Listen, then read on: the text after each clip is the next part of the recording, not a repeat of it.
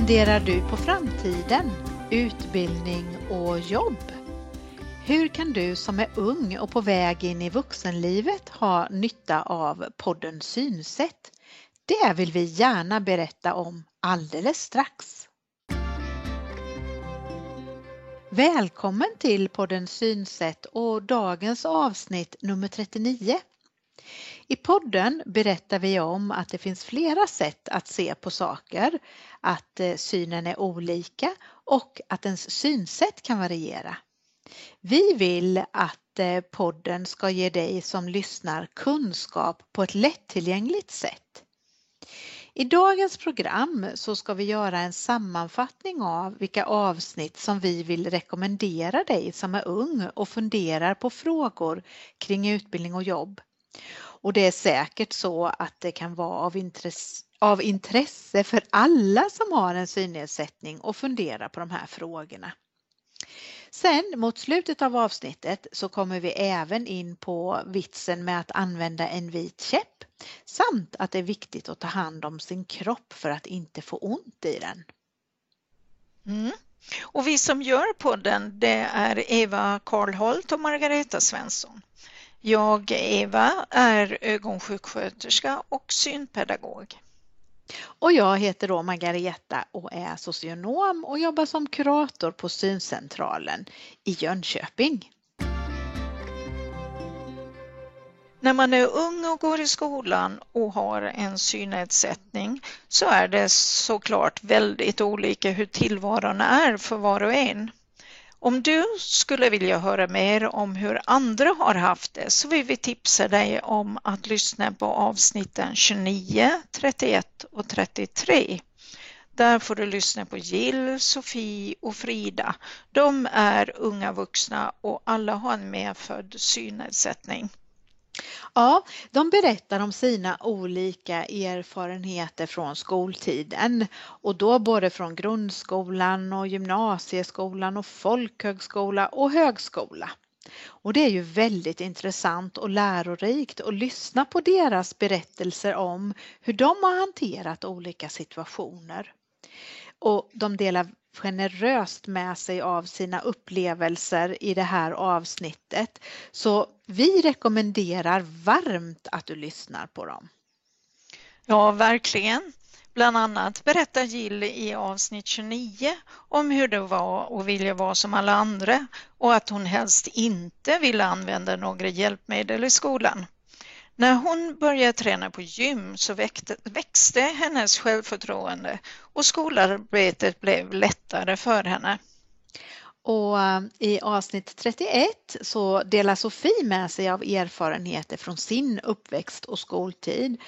Och i det här avsnittet så förmedlar hon att du är inte din synnedsättning utan du har en synnedsättning. Och hon poängterar att det är ju en väldigt stor skillnad att tänka på det sättet. Sofie, hon är också aktiv i föreningen US, Unga med synnedsättning och hon tycker att det är ett jättebra sätt att träffa andra. Sen i avsnitt 33 så pratar Frida om sin medfödda synnedsättning och att hon även har en CP-skada och CVI. Och CVI det är en skada som gör att hjärnan har svårt med att tolka synintryck. Och det här avsnittet tror jag kan vara intressant att lyssna på både om du själv har en CVI eller om du vill höra mer om hur det är att leva med det. Ja, vi får också höra Frida berätta om hur bra det var för henne att läsa på Glimåkra folkhögskola där hon bland annat gick en preparandkurs och på en preparandkurs så får man bland annat lära sig att bli mer självständig inför vidare studier, arbete, ja eller i livet i stort. Mm. Hon säger i avsnittet att det var först på folkhögskolan som hon började acceptera sin synnedsättning. Det är jätteintressant, så hoppas att du vill lyssna på det. Ja, verkligen. Eh, när man håller på att bli vuxen så tror jag att de flesta funderar på framtiden. Hur ska den bli och vad vill man göra? I eh, avsnitt 30 så berättar Jill om sina funderingar kring vad hon skulle göra efter studenten och om hur hon utmanade sin rädsla. Hon vågade följa sin dröm om att resa utomlands för att plugga och hon berättar att hon kom fram till att faktiskt allt är möjligt. Ja, det är fantastiskt. Det är ju väldigt inspirerande att höra det. Jill berättar också att hon har gått en massageutbildning och att hon jobbar som massageterapeut. Och nu pluggar hon till arbetsterapeut och berättar hur det är för henne att plugga på högskola. I avsnitt 32 berättar Sofie mer om vuxenlivet, vad hon jobbar med och hur det var för henne att flytta hemifrån. I intervjun så säger Sofie en tänkvärd sak som alla kan ta med sig, nämligen våga be om hjälp och våga ta för dig. Det vill vi gärna skicka med för det är ju ett viktigt budskap. Även Jill och Frida berättar om sina erfarenheter från arbetslivet utifrån vad de har jobbat med eller jobbar med i avsnitt 30 och 33. Lyssna gärna på hela avsnitten så att du får höra om deras olika erfarenheter. Kanske är det så att du kan ha nytta av dem.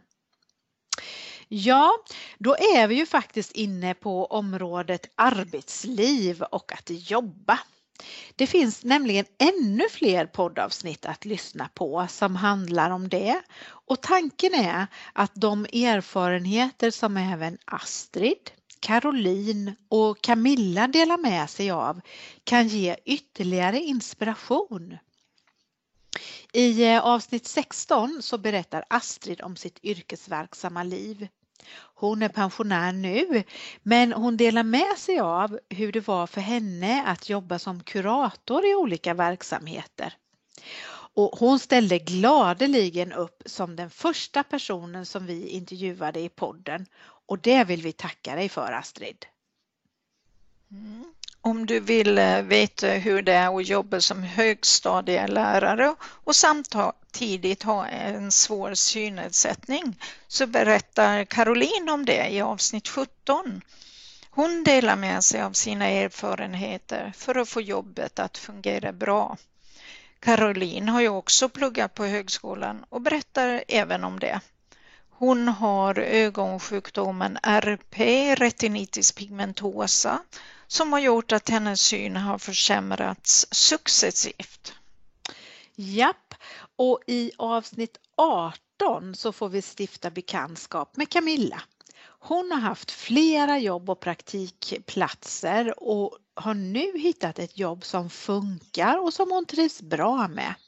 Camilla har en svår synnedsättning och hon arbetar nu med montering och paketering. Lyssna på henne så får du reda på vilka strategier som hon använder för att få sitt jobb att funka. Och på tal om strategier, i avsnitt 21 så kan du lyssna på Caroline som berättar om hur det är att vara förälder och samtidigt ha en svår synnedsättning. Hon är mitt i livet, jobbar och har två små barn. Och här delar hon med sig av en glimt från familjens vardag och pratar om sina erfarenheter och ger tips som underlättar för henne när det gäller att vara mamma. Ja, det var en rolig intervju ja. och intressant att lyssna när hon berättar. Eh, ja, jag skulle ju även vilja slå ett slag för ett annat område. Och då tänker jag på hur viktigt det är att man ska kunna ta sig fram på ett säkert sätt när man har en synnedsättning.